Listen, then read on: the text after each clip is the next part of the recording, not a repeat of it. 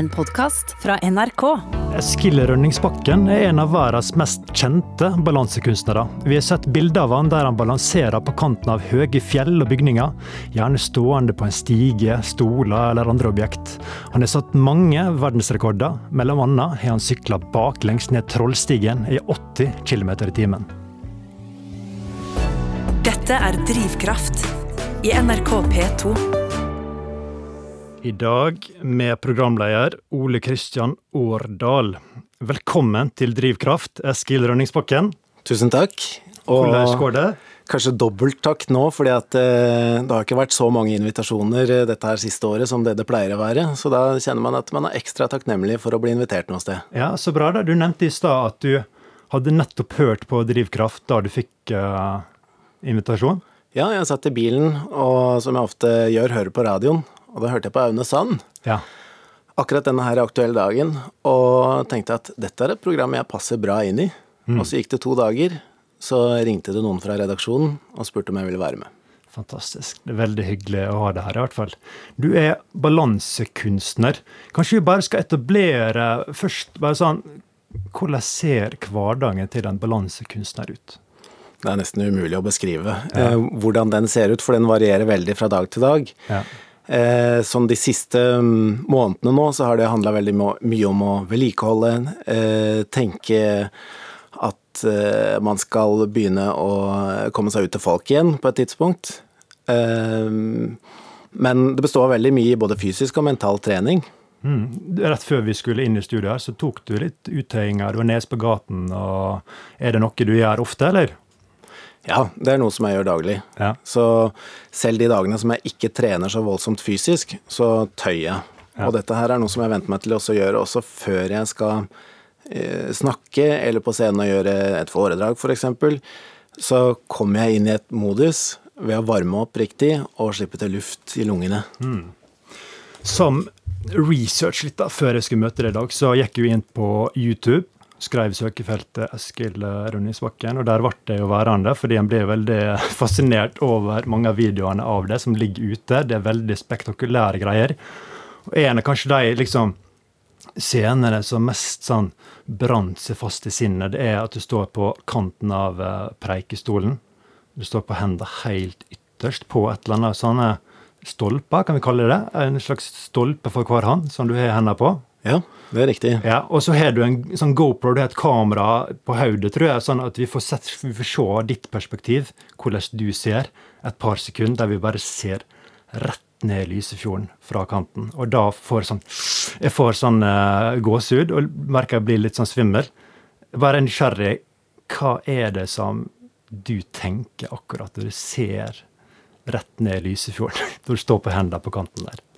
Jeg ser ikke så veldig mye rett ned i fjorden. Nei? Jeg fokuserer på ett punkt som er inne på land. Ja, ok. Ser du bakover der, på en måte, eller?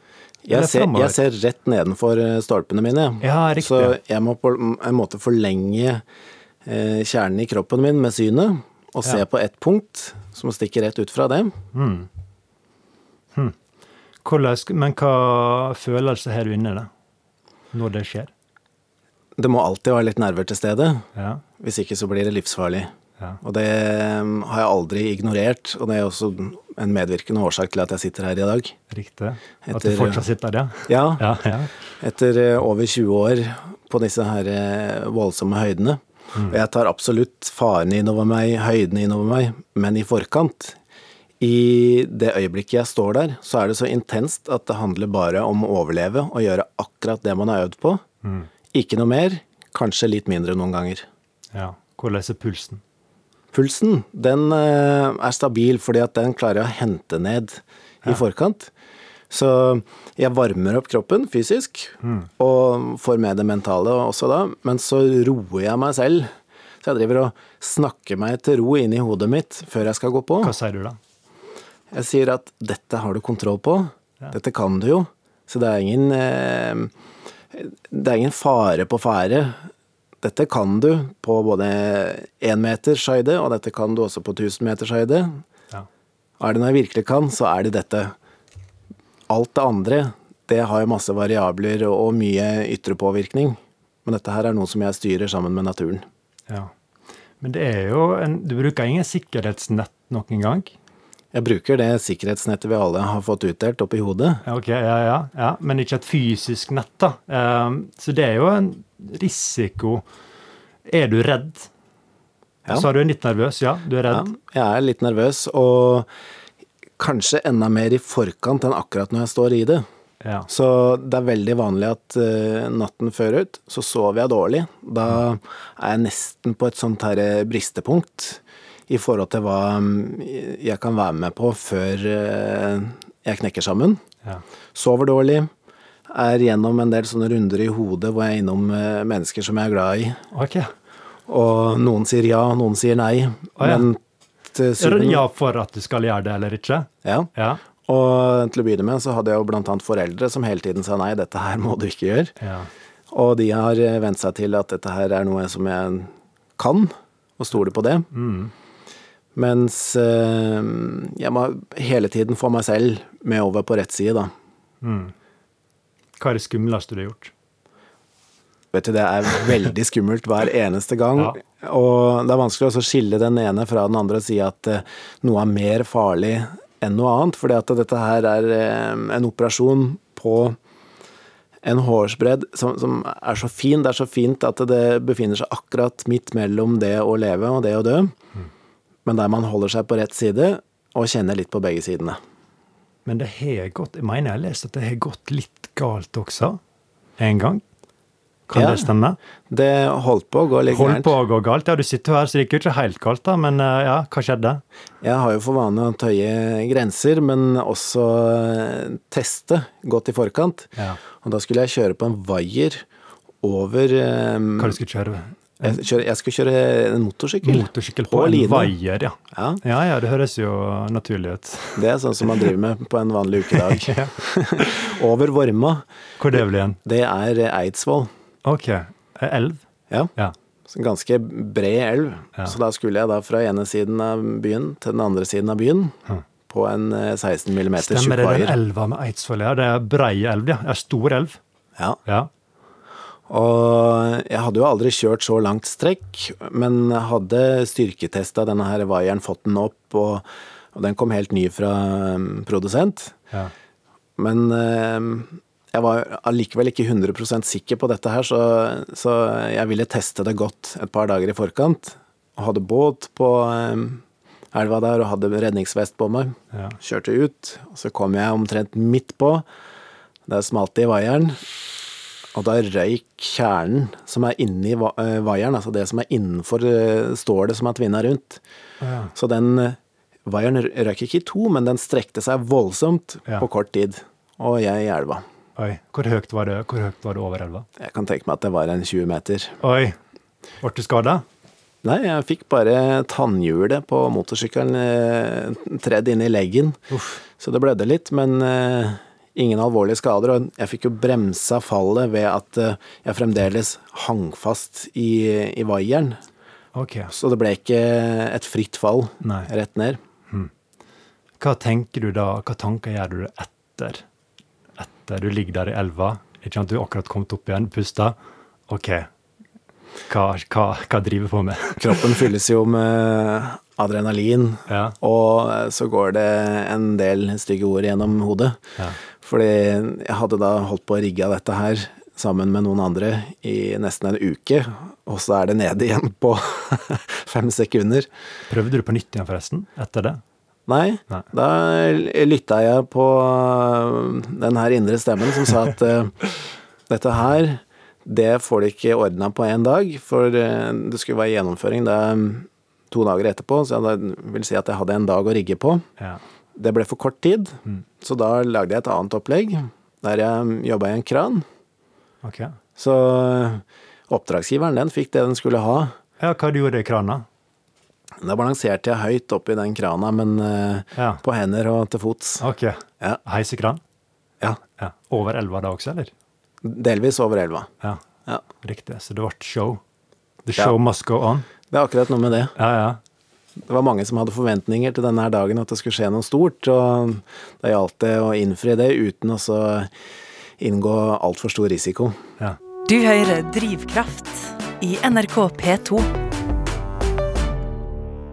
Dagens gjest som jeg har med meg, det er balansekunstner Eskil Rønningsbakken. Og nå har du fortalt litt, Eskil, om hva du kan drive på med, og risiko, og hva som skjer. Og jeg blir jo veldig nysgjerrig egentlig på hvordan havna du der på den veien? Hva er det måte som Ja, jeg blir nysgjerrig på barndommen din. Hva, hva som måte har ført til at du havna i de situasjonene som du havna i? da? Var du risikovillig som barn? Jeg var nå ganske risikovillig og tidvis ukritisk som barn. ja. Ja. Det var jeg hadde ekstremt mye energi. Men eh, jeg vokste opp på Hedmarken, i ei bitte lita bygd som heter Valset. ja. Og I nærheten av Hamar? det er ikke så veldig langt fra Hamar, det er i Stange kommune. Ja. Og eh, der var det jo sånn at eh, vi hadde mye boltreplass i oppveksten. Og en far som ikke var så opptatt av at vi skulle ha masse moderne leker. Og da ble det naturlig å bruke det som var rundt oss. Så både jeg og mine søsken, vi eh, var nok ganske fysiske, kanskje mer enn det mange andre barn var. Mye ute på ski. Vi hadde ikke bil, så vi sykla eller tok spark. Der vi ikke kunne ta buss eller eh, en drosje. Og så begynte jeg å klatre i trærne som var hjemme. Og um, kjente jo da på litt av det samme som jeg kjenner på i dag, at det er litt sånn blanda med både fryd og uh, frykt. Mm, du klatra helt til topps? Ja, Ja. jeg klatra til topps, og den gangen uten kontroll. Og da var det ofte sånn at eh, moren min var raskt ute og sa at jeg måtte komme ned fra de trærne, for det, det var livsfarlig. Jeg hadde ikke kontroll på den gangen. Hva slags tre var det? Var det bjørketre eller grantre? Bjørketre. Bjørke, ja, for det er litt skumla. Grantre er jo litt sånn De er litt seire. Ja, litt seigere, ja. Mm, ja. Og jeg tøyde de grensene, var helt oppe i toppen og begynte også å svaie litt i bjørkene. Det er populært hos mor.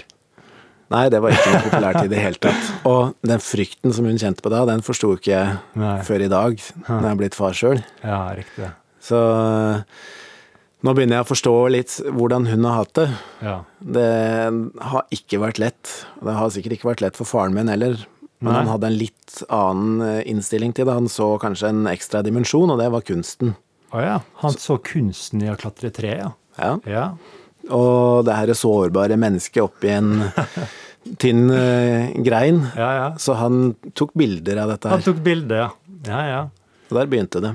Ja, var det da Ja, men kunsten Det heter jo balansekunstner. Så du sjøl da som barn at dette er noe sånn kunstnerisk med å tøye grensene på den måten der?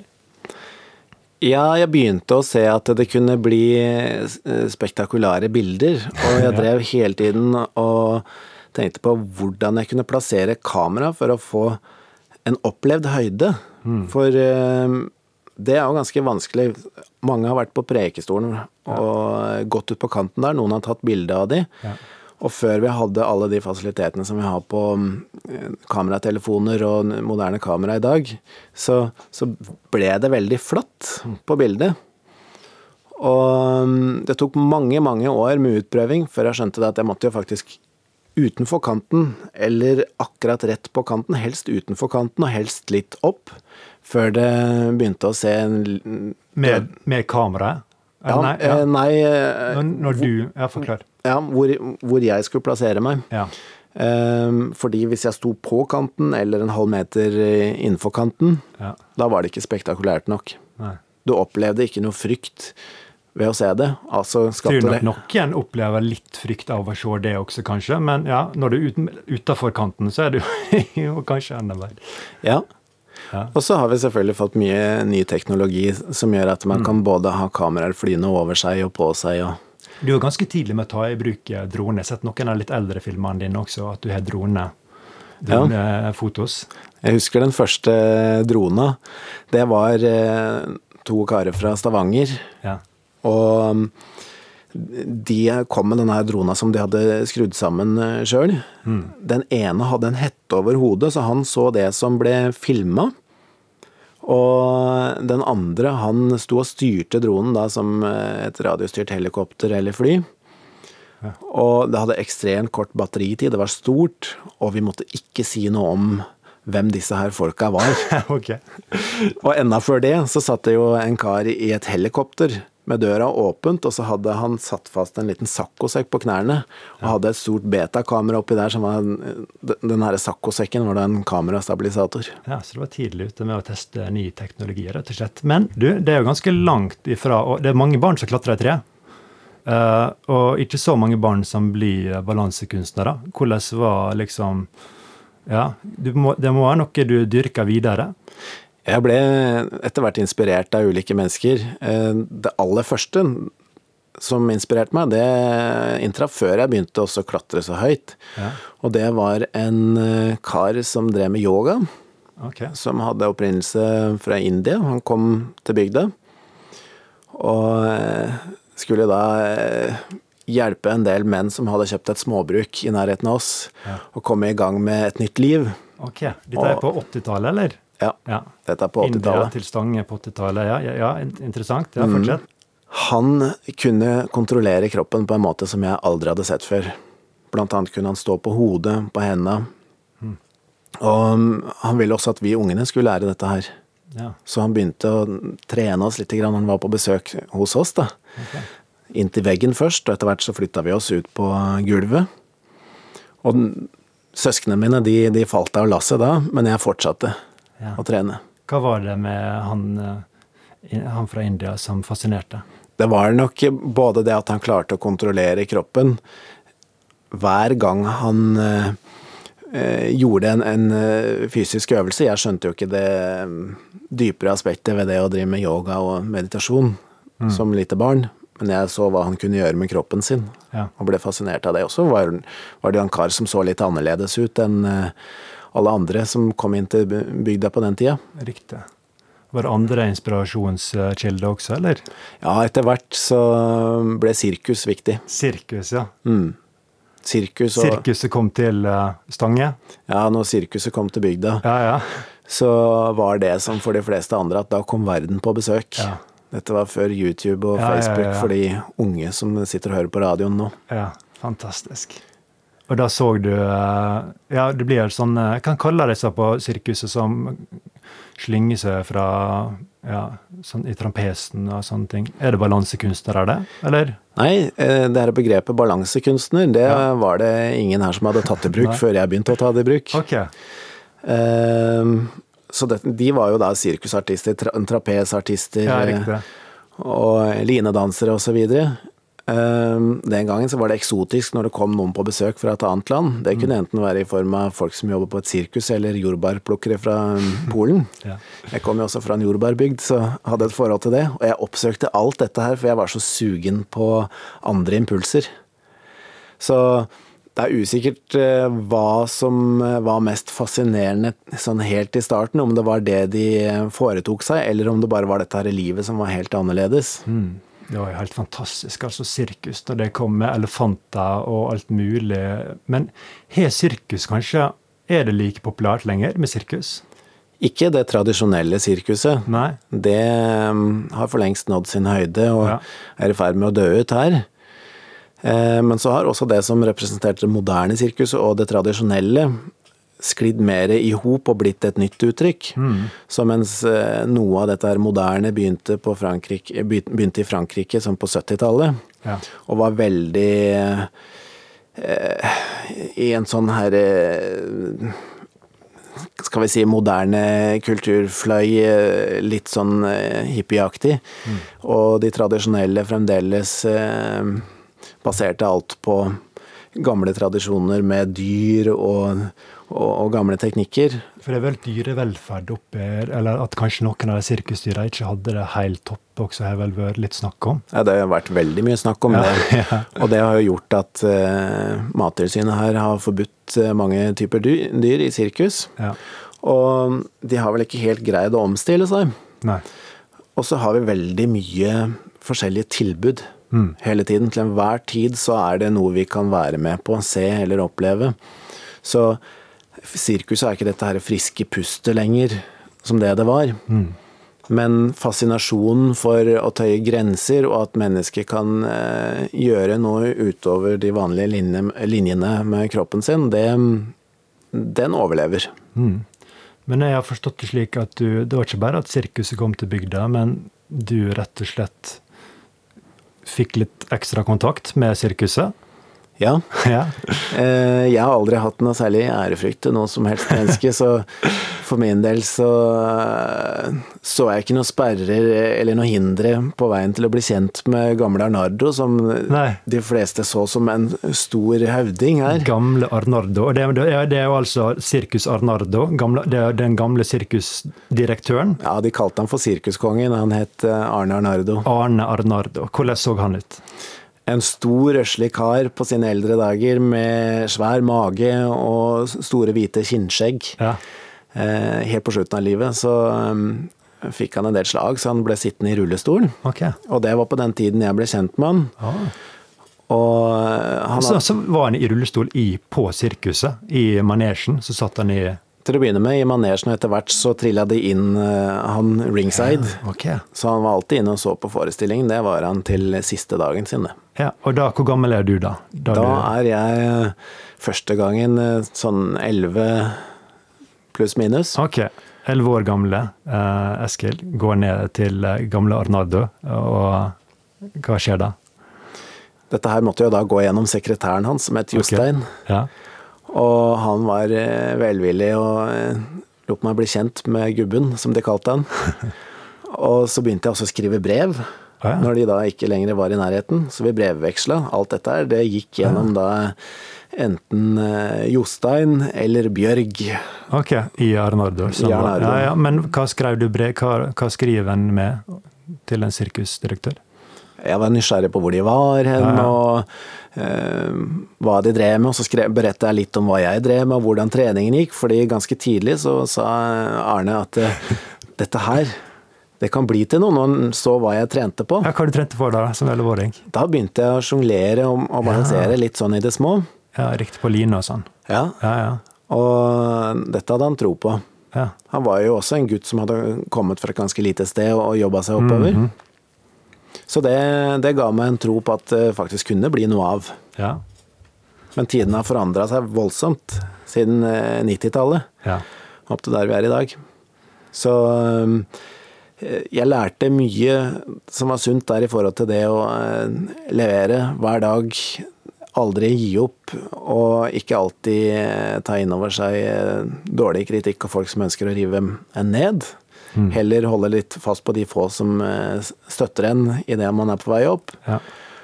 Og det har blitt med meg hele veien videre, selv om eh, det har tatt en veldig annen form enn hva guttedrømmen var, da. Det hjelper jo veldig å få støtte fra en sirkusdirektør også, skulle en tro.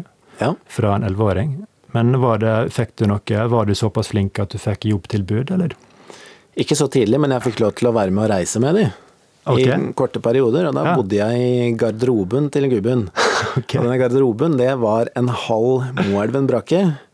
Ja, Hvor mange kvadratmeter snakker vi om da? Ja, da snakker vi om uh, den avstanden som det er mellom deg og meg nå. Et par meter, ja. Og så uh, kanskje halvannen meter bredde. Da Ja. var det en køyeseng, og så var det et klesskap og en vask. Ok. Så da var du med sirkustoget, eller sirkusbussen, eller eh, ja, på, på turné? Ja, da var jeg med sirkuset på turné, og det Det var som da film. titalls eh, biler og trailere og telt som flytta seg hver eneste dag. Ja. Og da jeg var 17 år, da slutta jeg på videregående, og så ble jeg med og reiste hele sesongen. ja. Hvor lenge var det en sirkussesong? Den varer i seks måneder. Så du droppa ut av videregående for å bli med Arnardo på sirkus? Ja. Ja, Så Ja. kult. Jeg hadde hele tiden sett på videregående som et eh, tidsfordriv inntil jeg fikk en kontrakt. Så det var greit. Er det greit betalt, eller? Sirkusjobben? Nei. Nei. Men i kost og losji, kanskje? Eller er det sånn og litt ekstra? Det var eh, kost og losji og litt lommepenger. Ja, riktig. Men eh, det var jo en slags lærlingelønn, Ja, ja, ja. så jeg var ikke helt innforstått med det da. Nei. Men eh, etter et par måneder så syns jeg det var greit. Men 17 år, du er sirkusartist. Hva gjør du da på show, når dere besøker bygdene? Da eh, sjonglerte jeg, og var tidlig ute da med noen egenkonstruerte baller som det var laserlys inni. En, en veldig, veldig, veldig tidlig versjon av LED. Ok. Så jeg bygde en prototype, sendte den til Storbritannia, fikk tilbake noe som kunne fungere og kunne lades. Og så skulle jo dette her ha en dramaturgi, så jeg avsluttet med å balansere oppå en rulle som sto på et bord, og så sjonglerte jeg med fakler oppå der. Nei, Som 17-år- som 17-åring, ja. Hvor mange snakker vi om fakler? da? Er det tre, eller er det flere? Da hadde jeg tre, og før jeg ga meg med dette her, så hadde jeg opptil ni objekter i bevegelse. Heftig. Og det, hva, men hva syns mor og far hjemme da om at, du, at sønnen ble sirkusartist? Da hadde det allerede gått så langt at det var et, alt annet var et dårlig alternativ. Så det ble på en måte en, en, en redning og en måte der jeg kunne få ta ut mitt potensial. Du hører, ja. Altså på Drivkraft, og dagens gjest det er fortsatt balansekunstner Eskil Rønningsbakken. Eh, Du var, ja, du snakka om at du var sirkusartist. Har du tatt noen annen utdanning, eller? Ja. Jeg reiste et år med Arnardo. Ja. Og den tiden ennå så var jo sirkusartister stort sett eh, folk som hadde vokst opp med dette. her, Så det var både fjerde, femte og sjette og sjuende generasjons sirkus. De hadde sine dynastier som hadde overlevd lenge. Og de var veldig lite villige til å lære bort noe til en outsider, da, som de kalte for en privat. Ok. Og, så Hvorfor det? Jo, fordi at de var veldig protektive rundt uh, sin kunstart. De ønska å holde på den og sende den bare videre i generasjoner, ikke dele den med alle andre. Men det fantes noen unntak. Og de pensa meg inn på den ideen at det fantes noen eh, akademier og noen skoler nedover i Europa som utdanna folk. Så da begynte jeg å søke meg inn på skoler, og eh, kom til en skole som het Staatliche Artistenschule i Berlin. En gang til. Statliche. Staatliche Artistenschule Berlin. Fantastisk navn. I Berlin, ja. Ja, altså det, det var en statlig eh, artist- og danseskole. ja. Og det var rester fra tidligere DDR. Ja, riktig. Strengt. Der var det strengt. Der var det da eh, tidligere kommunister som styrte. Ja. Og alt dette her bygde på en eh, sovjetmodell, der eh, de hadde mm, tatt denne her kunstarten som ble drevet av private, eller av sirkusfamilier og sigøynere, stort sett. Eh, Frem til et visst punkt hadde de tatt det inn eh, i sine statlige lokaler og gjorde det til en utdannelse. Og det gjorde etter hvert at de vanna mer og mer ut utøverne, og henta inn eh, folk fra idrett, toppidrett, og begynte å tenke en hel ny, helt ny måte å utdanne det på. ja. Så det er litt sånn toppidrett, ja.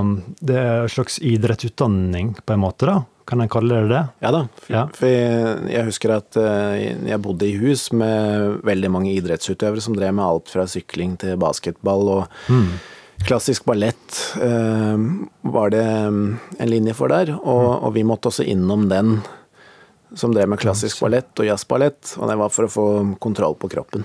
Hva vil du si er det viktigste du lærte på den skolen? Det viktigste jeg lærte, det var å bygge ting solid fra bunnen av. Og da, da snakker jeg om eh, teknikker. For jeg kom dit og var akkurat god nok til å komme inn på opptaksprøven, men det var ikke noe å bygge videre på. Så de reiv eh, alt det jeg hadde bygd fram til da, fra hverandre, og begynte å bygge meg opp på nytt. Med solide teknikker som jeg, gjorde at jeg da kunne komme videre. Jeg kunne, eh, jeg kunne faktisk skape et levebrød av det. Og det gjorde du jo også. Ja. Ja. Så da, det var det da du fikk trua eller, på at kan, du kan leve av balansen? Jeg hadde øh, nok lenge hatt trua på det allerede da. Ja. Så jeg begynte jo tidlig, også før Arnardo, å jobbe på alt mulig av messer og arrangementer og sånt rundt om i landet.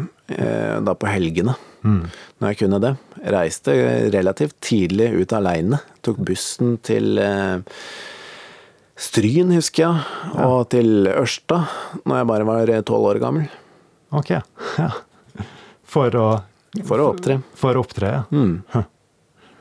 Det er jo det er jo det er balanse som går igjen eh, som en ganske sånn eh, rød tråd, vil jeg si. Men så har jeg forstått at det har det er ikke alltid vært 100 i uh, balanse til alle tider. Det er en dag som i 2000, 20. mars i år 2000, der livet gikk litt ut av balanse. Kan ikke du forklare litt hva som skjedde da? Jo, jeg kan jo det. det hvis vi ser på livet sånn overordna, så, så, tror jeg at eh, alt egentlig har en stor hovedrytme. Det er min ja. te teori. Og så kommer vi mennesker litt ut av den rytmen innimellom om å hente oss inn. Noen greier det ikke eh, og velger en annen vei, og noen greier det. Mm. Og kommer seg tilbake på denne hovedrytmen. Og mm, det var en dag da i 2000 som jeg var um, Hvor gammel er du da? Ja, da er jeg 20, da. Ja, Er du da ferdig med skolen i Berlin? Ja. ja. Mm. Da er jeg ferdig med skolen i Berlin. Hvor jeg jobber Jeg jobber på Oslo Nye Teater, så jeg er der på kvelden hele uka gjennom. Og på dagen så er jeg hjemme igjen i Valset. Så kjører jeg til eh, Stange. Skal til tannlegen. Mm. Men på vei dit så kolliderer jeg med en syklist. Mm. Og den eh, omkommer der og da. Mm. Og det blir en sånn Både et voldsomt, en voldsom hendelse. Er det, er det vinterføre? Nei, det er på når ja, dette er på, dette er på våren. Mars, ja, er riktig. Ja. Mm. Mm. Så det ble en, ble en stor uh, hendelse i livet mitt der. Voldsomt uh, inngrep for familien ja. til denne her eh, eldre karen. Ja. Uh, også en familie som jeg kjente fra før. Å oh, ja, For det var i nærheten av Da hadde du kommet til Stange, eller? Det var, var, det var rett før Stange sentrum. Ja. Mm. Mm. Men hvor hodet automatisk slo over på uh, det å handle riktig, da. Ja. Så jeg, jeg, var ute av bilen og sjekket han her syklisten. Ringte til politiet og til nødetatene. Og den første som kom på plass, det var eh, den lokale lensmannen. Mm. Så han hadde vært oppe i mange ekstreme situasjoner tidligere. Også en kar jeg kjente fra oppveksten min. Det er lite samfunn? Veldig lite samfunn. Ja. Det er 700 husstander i Valset. Ja. Eller var i hvert fall den gangen, har det blitt litt flere. Mm. Og det var mye som tilsa at uh, dette ikke bare var min skyld. Og det sa også lensmannen der og da. Ja. Men eh, sånn i ettertid, et par runder i retten, så endte jeg da å bli, bli dømt for uaktsomt uh, drap. Hva, hva går gjennom hodet ditt da, når du får den dommen?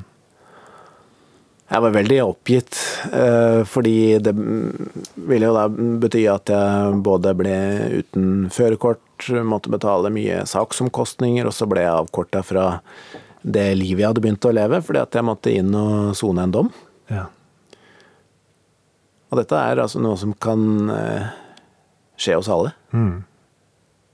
Fordi at vi ikke er aktsomme nok. Ja bil eh, kontra syklist eller eh, fotgjenger, det er, eh, det er alvorlig. Det, det, er det noe du tenker over? Du, gjør, du, må jo kalkulere risiko veldig mye. Tenker du over hvor skummelt det faktisk er i trafikken, eller?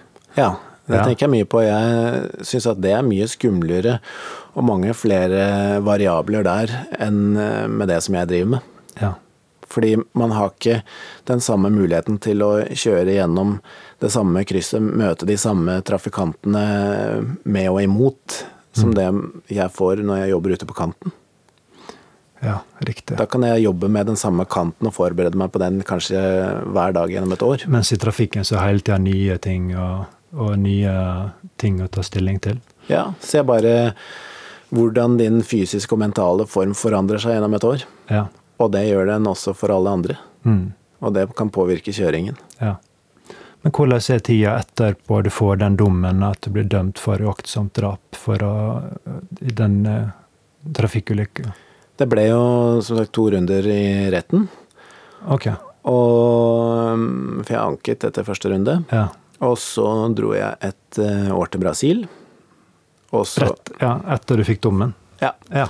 Da dro jeg til Brasil og så var jeg der, og som, ja, Men var det for å ikke sone, da, eller var det, eller, eller var det etter du hadde sona?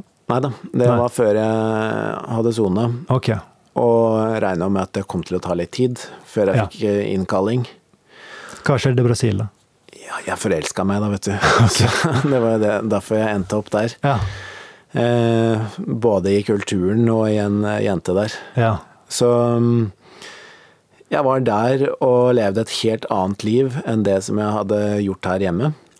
Ja. Du var ikke balansekunstner? jeg var ikke balansekunstner. Det var veldig Hva slags liv snakka vi om? mye som ikke var i balanse da. Ok. Ja, Ja, det var det. Så hva det vil si, da?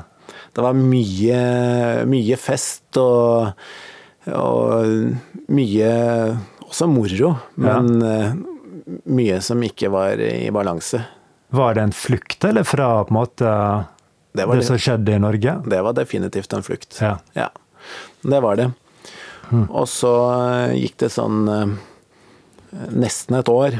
Da ringte den samme lensmannen som eh, dukka opp eh, ved ulykken, og så Ja. sa han det at nå er det på tide å komme hjem. Ja. De, de leter etter deg. det. De leter etter deg, Du er ettersøkt. Ja, ikke ettersøkt, men det var, eh, det var sendt innkalling til soning, men det hadde ikke jeg fått som var i Nei, Brasil. nei, naturlig nok. Jeg hadde sagt opp på eh, Vurderte du å bli værende, eller? Ja, absolutt når jeg dro. Har Brasil sånn utleveringsavtale med Norge? Den gangen så hadde de ikke det. Nei.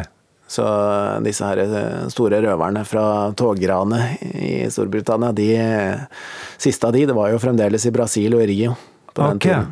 Må Ble du kjent med deg, eller? En av de. Å ja, Ja. det var det, ja. Før han noen år etterpå fløy tilbake. Ja, ok. For da kom det på plass utleveringsavtale. Ja. Så det var jo en stor seanse, det, når han kom tilbake. ja, ja. Men da hadde du, ja, riktig. Da ble du kanskje litt inspirert, eller fikk komme på tanken ok, det går an å, å bare drite i det som har skjedd i Norge, og bare starte helt på nytt i Brasil.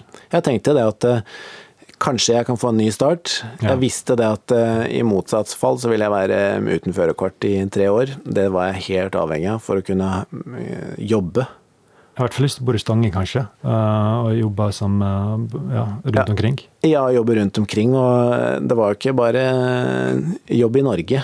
Nei. Så mm, og, og jeg levde da veldig mye i bil med campingvogn bak. Det var boligen min. Ja. Men eh, etter hvert så mista jeg lysten på dette her Brasil-livet. Skjønte at det, det var ikke noe å basere fremtiden på. Så jeg kom tilbake. Hva gjorde at du tok det valget? Det var veldig mye som gjorde det, men det var, det var jo vanskelig å overleve der. Ehm, Jeg drev og pendla mellom eh, Copacabana og Ipanema, som er eh, strender der som turister kjenner godt. Også et slumområde som heter Novo Iguazu. Så, så der bodde jeg for det meste av tiden. Bodde i slummen, rett og slett. Mm. Ja.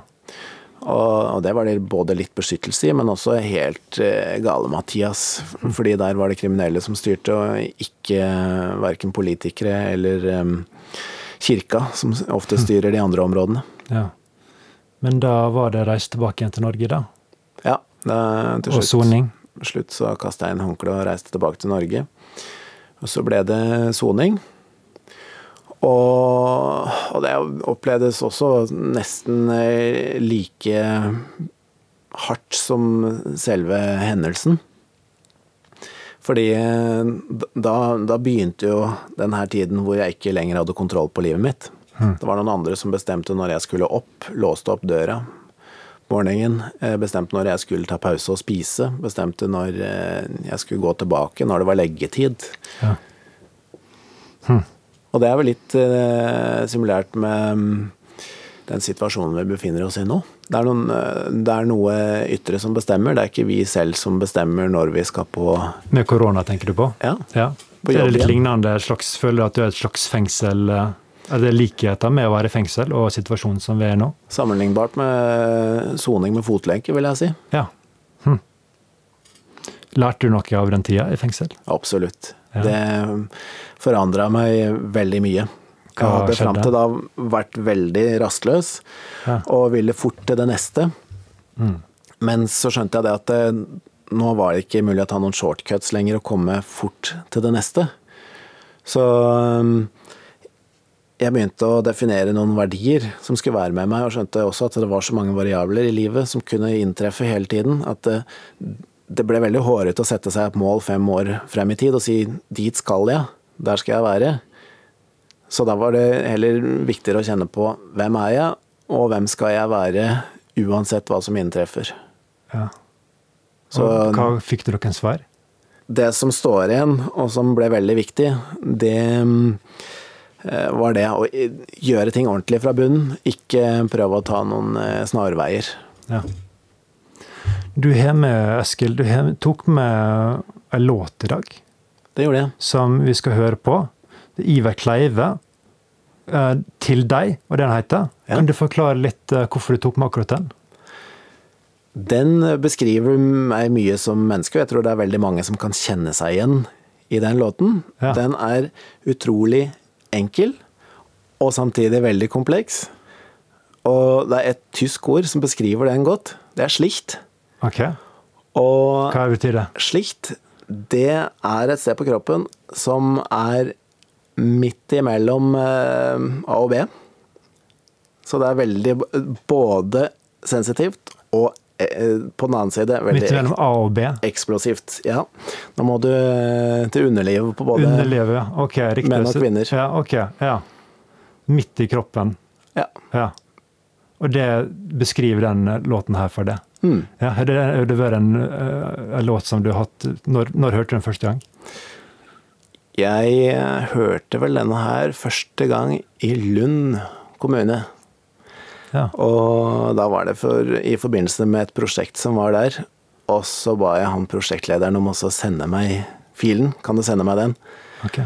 Og mm, den eh, har vært med meg hele tiden siden. Jeg har jobba mye til den. Jeg har eh, Hvordan har du jobba til den balansert den. Du balansert, så det er en, rett og slett en låt som bidrar til hjelp til med å komme i balanse? Ja, den, den låten, den øh, føler jeg at den er meg. Og jeg har også kommunisert med Iver Kleive rundt øh, det å skape noe visuelt opp mot den. Ja. Men låten er så perfekt at jeg har ikke klart å skape noe som jeg er fornøyd med ennå. Ok. Jeg tror vi bare må høre på den. Ja. Vi kjører i gang.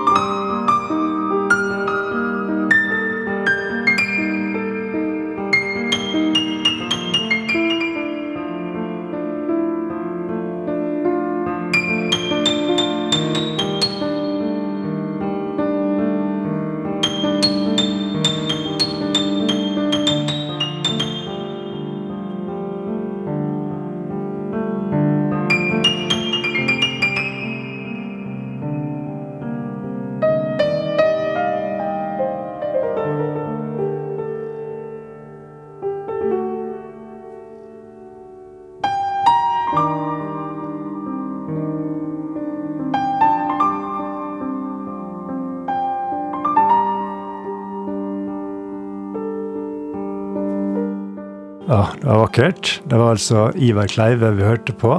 Til deg. Du hører på Drivkraft, og i studio så er Eskil Rønningsbakken, balansekunstner. Du ønska deg akkurat den låta her. Og da med en gang låta kom på, så måtte du ut på gulvet her og, og puste litt. Ja, jeg sitter jo her på en stol eh, helt i ro, og jeg liker å slippe til eh, luft i kroppen. Ja. Og puste og være varm. Sånn Ja, men jeg merket det også før, rett før sending også. Du gjorde noen pusteøvelser. Kan du fortelle litt om det? Kroppen trenger oksygen, Ja. og hvis vi sitter for mye i én stilling, så eh, stenger vi både litt tilstrømning av væske og oksygen. Mm. Og det er fort gjort at man eh, drar seg inn i en sånn her pusterytme som ikke er så sunn som når man står eller ligger. Ja, riktig. Jeg blir jo veldig fascinert. Jeg tror mange sant, blir inspirert når en ser sant, disse klippene dine, og hvordan en sjøl kan få sånn bedre balanse. da. Hvordan trener en seg opp egentlig til å få bedre balanse? Hva er ditt tips på det? Repetisjoner, det er det første. Ok, Repetisjon av øvelser? Ja. Hva slags type øvelser? uansett hva slags øvelser man driver med. Det kan jo være å sykle, det kan være å stå på ett bein når man eh, knytter skoen istedenfor å støtte seg på noe. Ja. Man kan også drive med det litt sånn i det små hvis man står ved kjøkkenbenken eller reiser seg opp fra kontorstolen. Mm. Og um, det som er viktig med balanse, det er også å fokusere på um, ett punkt. Ett fast punkt. Mange, når de begynner å gå på en line, f.eks. Ja. Mange har prøvd en eh, såkalt slackline Mm. de siste årene. Så skal man ikke se på linen, det her punktet som beveger seg, men du skal se på enden, der det er et fast punkt. Ja. Og det er jo litt sånn med siktlinjer i livet også. Ja, ja. Se frem og se på noe som eh, ikke beveger seg for mye. Ja, men jeg, blir, for jeg har inntrykk av at det med balanse? Det er jo, På én ting er jo ganske sånn, det er en fysisk eh, greie, men for det så er det også en, en livsfilosofi. Ja, Kan jeg si det? absolutt. Hvordan, ja, du var litt inne på det. Hvordan en overfører balanse til andre deler av livet. Alt avhenger av balanse. Uansett hva vi driver med, Ja. så trenger vi å komme i balanse. Det gjelder hvis eh, man snakker om penger og business, det eh, gjelder i kosthold, Mm. det gjelder i relasjon til andre mennesker, parforhold, Ja. til våre barn. Så du tenker over at Er det noe du tenker over? At nå må vi finne balansen i alle ulike aspekter av livet? Ja, Ja. og um, det, det er jo sånn at um, At balansen er noe en kan rett og slett tenke over. Når en, for eksempel, I en hverdagslig gjøremål så kan en rett og slett uh, komme i balanse. Kan en bruke de fysiske øvelsene på det? Er det noe en kan overføre? Ja, altså man kan tenke at man trenger litt av hvert. Mm. Litt, man trenger litt av alt til enhver tid. Ja. Ikke for mye av noe, ikke for lite av noe. Nei. Og så er det sånn at når man blir flink til å balansere, så beveger du deg ganske lite utenfor en kjerne Mm. hele tiden. Ja. Både fysisk og, og på andre måter. Og du kan jo se, i den situasjonen verden befinner seg nå, ja, ja. så er det mange som er mener helt at i balanse. er det nå? det er mange som nå mener at vi ikke er i balanse. Ja. Men kanskje det, vi faktisk er i ferd med å finne, tilba finne tilbake balansen. At vi var helt i ubalanse før dette her med covid eh, dro i gang. Ja. Vi flyr mindre, vi reiser mindre med bil. Mm. Eh, Når jeg var eh, liten, så dro vi kanskje på sirkus og et par kulturopplevelser i løpet av året. Det var Ja. ikke sånn at vi dro på kino og teater sju ganger i måneden. Nei. Så tempoet har skrudd seg ned. Og kanskje det er mye sunnere for verden vår, at det ikke hele tiden går fortere og fortere at vi produserer mer og mer og leverer høyere og høyere omsetningstall. Riktig. For det må jo til slutt revne. Ja. Det er akkurat du som med bi- tenker at været er kommet mer i balanse, rett og slett? At den har blitt litt roligere? Ja. Det er jo som en bikube som blir eh, overbefolka. Da eh, eh, vil en del av de fly ut. Ja. Og hvis de ikke finner seg ly over natten, så dør de. Men apropos reising og slik, for du har jo reist ganske mye i din karriere. Du har jo gjort Du har balansert på kinesiske mur og rundt om i hele verden. Hvordan blir det for din karriere da, når det blir stoppa opp? sånn eh, i forhold til hva det var tidligere, Ja. så var jeg en som hadde eh, gullkort på opptil flere flyselskaper. Ja. Um, men jeg begynte allerede å reise mindre ved at jeg flytta tilbake til Norge. Så de er, det siden? det var i 2016. Ja, for da hadde du bodd ute i, ute i verden. Ja, de siste årene før jeg kom tilbake hit, så bodde jeg i Peru. Ja, Og et år i Spania imellom. Okay. Så de kortene de røyk fort, Ja. og det var ikke noe som gjorde vondt. Nei. Jeg kjente at det var bedre. Men dette Ja. har også hatt en naturlig sammenheng med at jeg har blitt eh, far. Ja, Og det er veldig attraktivt å være mer hjemme. ja. Skjønner. Har det gjort at du har fått et nytt syn, eller fordi du, vi snakker om at det har vært mye det er en del risiko i dette her, selv om ja, kanskje det er like skummelt å kjøre bil, så er det jo, virker i hvert fall ganske risikabelt å stå på hendene på kanten av eh, preikestolen og andre ting du stunt som du har gjort. Da tenker du over at du er mindre risikovillig nå når du er far? Jeg tror kanskje jeg er litt mindre risikovillig, og så tror jeg også at det, handler litt om at eh, jeg har fått opplevd så mye mer enn det som jeg drømte om at skulle bli utgangspunktet. Ja. Ehm, og vet også at jeg får ikke gjort alt det som jeg kanskje skulle ønske akkurat nå. Til det så er ikke tiden der. Mm. Jeg blir jo ikke noe yngre sånn i kroppen. Nei. Tenker du på døden mer, eller? Jeg tenker nok eh, på død, men den, jeg, jeg syns nok kanskje den var litt mer uh, ubehagelig før. Ja. Ja. Nå er mindre ubehagelig. Ja. Hvorfor det? Jeg tar tak i døden nå som noe som eh, vi omgås i det daglige. Den er mye tettere på oss enn det vi liker å tro. Ja. Og så tenker jeg det at den, den eneste frykten jeg har for døden nå, det er at, eh, at eh, jeg kanskje ikke får så lang tid som jeg ønsker. Hvis det inntreffer noe uforutsett. Store ønsket mitt nå, det er jo å få være lengst mulig tid sammen med ungen og kona mi. ja. Skjønner jeg. Mens, eh, mens før så hadde jeg kanskje ti saker til på bucketlisten min som jeg ønsket å, å få gjort. Ja. Og nå dreier det seg kanskje om én eller to saker som står, står viktige for meg på den listen. Hva står på lista fortsatt? Stunt som du enda ikke har gjort? Jeg vil til Angels Falls i eh, Venezuela. Ja, du, er det den fossen som er med, den, filmen, den tegnefilmen? Up. Den er med i mange filmer. Ja, ja, ja. Verdens høyeste fossefall. Ok. Der har jeg sett ut en eh, klippe, en stein som sitter fastklemt helt ut på kanten. Ja, og der skal du Dit skal jeg, og det skjer. Og hva skal du gjøre for den steinen? Det får vi se, men eh, jeg har en plan for det. Og jeg har eh, folk og kontakter som kan ta meg opp dit. Ja. Men det har vært så urolig i Venezuela politisk okay, lenge før covid. Ja. Så det det måtte stå litt på hold. Ja. Hm. Og det er Ja, du sa det ok, én ting du skal gjøre. Du skal stå oppe i fossen der i Venezuela. Flere ting. Det er den som står høyest. Ja. Blir det sånn siste grand finale, eller? I din karriere? Jeg ser for meg at det er den siste grand finale, Ja. og kanskje man aldri- aldri får den, og at det er meningen. Okay. Så vet jeg at jeg vil tilbake til Kina. Ja. Der uh, har jeg hatt mange gode opplevelser. Ja. ja. Kinesisk mur, blant annet. Ja, den uh, har jeg fått lov til å være på helt alene Ja, for du er ganske kjent i Kina. Ja, For jeg ser på disse YouTube-filmene, så står det sånn der kinesisk eller tegn ved siden av navnet ditt. ja. Hvorfor det? Zen, det er eh, Zen? ja, Okay.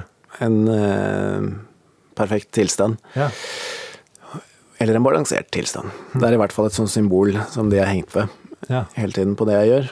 Eh, Det har nok mye med det å gjøre at eh, Kina de har kultur for det som jeg har holdt eh, holdt på med og brukt livet mitt til. Det, de har tradisjoner for det som går 4000 år tilbake i tid. Med balansekunst. Ja. Ja.